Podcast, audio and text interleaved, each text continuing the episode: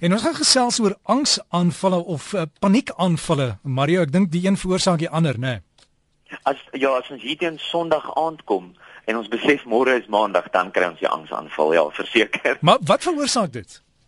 Reg, dis 'n klomp goed, maar die, die groot deel van 'n angsaanval of 'n paniekaanval kom maar van spanning af of die vrees vir iets wat gaan gebeur of hierdie oorlading van werkstres um al daai tipe dinge veroorsaak dat ons dan in 'n toestand van paniek ingaan of hierdie angs ingaan. En dit is goed om te weet, 'n paniekaanval is die simptoom van 'n angsversteuring. Ons dink dit is dalk net spanning, maar dit is eintlik in daadwerklik 'n angsversteuring. En dan wat voel ons? Ons kry hierdie weghol hartklop wat regtig hier in ons keel klop teen omtrent 90 slaap per minuut. Dit is nogal vinnig. Ons het hierdie gevoel van swakheid, hierdie lig, hoofdigheid deurmekaar, naalde en speldgevoel in die hande en die voete, borskaspyn, sweterig of bewerig, moeilike asemhaling. Ons voel nie of ons beheer het nie. Ons het maagpyn of selfs 'n omgekrapte maag. Ons het hierdie drang om weg te hardloop of te ontsnap uit ons situasie uit. En interessant, jy kry hierdie vrees vir die dood. Ons kry regtig hierdie hierdie bang gevoel dat ons besig is om dood te gaan. Die interessant van al hierdie simptome wat ek genoem het, dis amper dieselfde as 'n hartaanval. En dit is die groot probleem by paniekaanvalle is ons gaan in so 'n skok in omdat ons al hierdie simptome het en ons diagnoseer dan onsself by die huis met oogits hier kom 'n hartaanval en dan skop amper so daadwerklik 'n dubbele paniekaanval in. En dan is dit regtig wanneer dit krities raak en dan het ons hierdie asemnood en ons voel regtig net sleg. En dan word al gewoonlik hospitaal toe gegaan en in die ongevalle eenheid word omtrent 25% van hierdie gevalle gediagnoseer as 'n paniekaanval of 'n angsaanval en nie 'n hartaanval nie maar baie baie dieselfde simptome. Maar Mario, mens kan nie kans neem nie, want as as jy kans vat en dit is 'n hartaanval as jy in die moeilikheid. Dit is die sleg hiervan. So wanneer dit die eerste keer gebeur is, moet daar my opinie, moet daar regtig na die dokter toe gegaan word onmiddellik.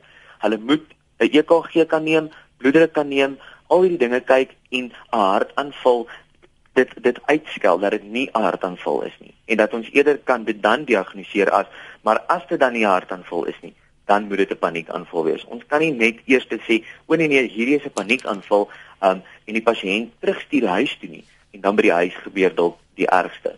So ons moet eers 'n hartaanval regtig deur al die simptome in die lys van van simptome gaan om te sê hierdie is nie 'n hartaanval nie, maar 'n paniekaanval omdat die simptome so baie dieselfde is. Ander oorsake wat 'n angsaanval kan veroorsaak is posttraumatiese stres, skizofrenie, onttrekking van sekere dwelmmiddels, baie baie sleg, skildklierprobleme, bloedarmoede en dan sekere medikasies kan dit veroorsaak. Iets soos metielfenidaat, metformin en insulien wat baie van ons pasiënte gebruik en dan quinine wat malaria vroed en dan ook kortikosteroïed onttrekking. Al hierdie kan baie dieselfde simptome as 'n paniekaanval gee en dan wil ons brein vir ons vertel dat ons in paniekaanval gaan en dan kry ons hierdie paniekaanval. So, weer eens, dit kan ernstig wees, dit mag dalk glad nie so ernstig wees nie, maar ons moet eers by 'n dokter uitkom om daai eerste diagnose te maak. Die interessant is ook wanneer iemand 'n paniekaanval of angsaanval een keer gekry het, kan daar op een volgende paniekaanvalle dan weer gebeur. Nie noodwendig die dag daarna nie, maar weekliks of selfs maandeliks kan hierdie angsaanvalle gebeur. Baie van die ou raad is om baie keer in 'n bruin papiersak asem te haal as hierdie hiperventilasie gebeur van 'n angsaanval. Die die rooi lig hier is as iemand asemnood het as gevolg van asma of hartaanvalle, vererger ons hierdie toestand as ons in die bruin papiersak asemhaal. Weereens wanneer dit angsaanval is, kan dit werk, maar ons kan nie weet of die pasiënt dalk asma of hartaanval het nie en dan kan hierdie breinpapiersak eintlik baie baie sleg wees. Ek wil net 'n laaste ding aanraak en mens kry 'n kafeïn geïndiseerde paniekaanval. Ons is laat, ons moet werk toe gaan en ons drink hierdie koppie koffie baie vinnig en hierdie hoë dosis kafeïn wat ons dan nou inkry, hierdie amper bolus effek wat ons kry van kafeïn, veroorsaak dat ons dan op die hoofweg of op die snelweg hierdie vreemde gevoel kry en hierdie benoudheid ervaar. Na regte is dit eintlik kafeïn wat inskop en dis die kafeïn gevoel. Maar hierdie gevoel wat ons kry, hierdie hartklopings, hierdie sweethande kan vir ons brein vertel dat hier is 'n paniekaanval besig om te gebeur en dan kry baie mense paniekaanvalle. So, as jy sensitief is vir kafeïn, is dit goed om dit eerder uit te sny uit jou dieet uit en en hierdie gevoel van 'n paniekaanval te verhoed en dan sal jy nie 'n paniekaanval kry nie. En Mario, en dan die laaste ding is alkohol. Ons moet alkohol oh, ja. uitsny. Skiet reg. Nee, dis nie dit reg die alkohol vertel? Alkohol moet ons uitsny. Die die slag is um, alkohol veroorsaak ook paniekaanvalle, nie noodwendig net een drankie of twee nie, maar die langdurige gebruik van alkohol veroorsaak dat ons senuweestelsel regtig nie meer so goed reageer op spanning nie en dan kan dit ook aan angsaanvalle ontlok. So ons moet pas op vir dit. So kafeïne en alkohol. Ja, en Mario, baie mense het van hierdie druppels daai wat jy red, weet jy, sommer gebruik vir die hond as daar vuurwerke is ook wat hulle ja. byderhand hou in geval werk dit.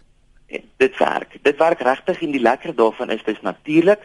Ons sit dit op die tong of in 'n bietjie water en soos wat jy sê, dit is goed vir diere ook om te gebruik en selfs vir kinders. Ons vergeet dat kinders en hoërskoolkinders ook angsaanvalle kan kry voor eksamens of voor groot sportbyeenkomste. Dis 'n spanningsvolle situasie vir 'n kind en hulle kan dan in hierdie toestand van angsaanvalle gaan. Hierdie natuurlike druppeltjies is wonderlik om te gebruik. Altyd weer matigheid voor oë, so gebruik dit volgens die, die instruksies op die botteltjie, dan sal ons 'n goeie effekie van kry. As dit dan nie weggaan nie, is dit goed om jou kind, man of vrou dan nou na die dokter toe te vat en te sê ons moet hulp kry vir hierdie mens. Hulle is in hierdie toestand waar hulle regtig nie um, dit kan hanteer nie. Hulle maak dit baie mislik vir die mense om hulle dalk of hulle kan glad net nie buite kom nie. Hulle het hierdie vrees om in huisbakke te klim of tussen 'n groot groep mense te wees. En dit is alles deel van hierdie angsaanvalle. En daar is ongelooflike goeie behandeling hiervoor. Vat hulle dokter toe, sit hulle op die behandeling. Die lekker hiervan is angsaanvalle kan weer weggaan en ons kan in 'n toestand wees waar ons totaal genees is van angsaanvalle. Anders probeer maar net rustig wees. Kalmeer, kalmeer. Dit was ons apteker Mario Botha en uh, onthou vra jou dokter ook en Mario staan juist daar agter die toonbank in een van die apteke hier in Johannesburg. So altyd lekker om te gesels en uh, as jy wil luister na sy gesprek, dit sal as 'n pot gooi in die komende week op RSG se webtuiste beskikbaar wees.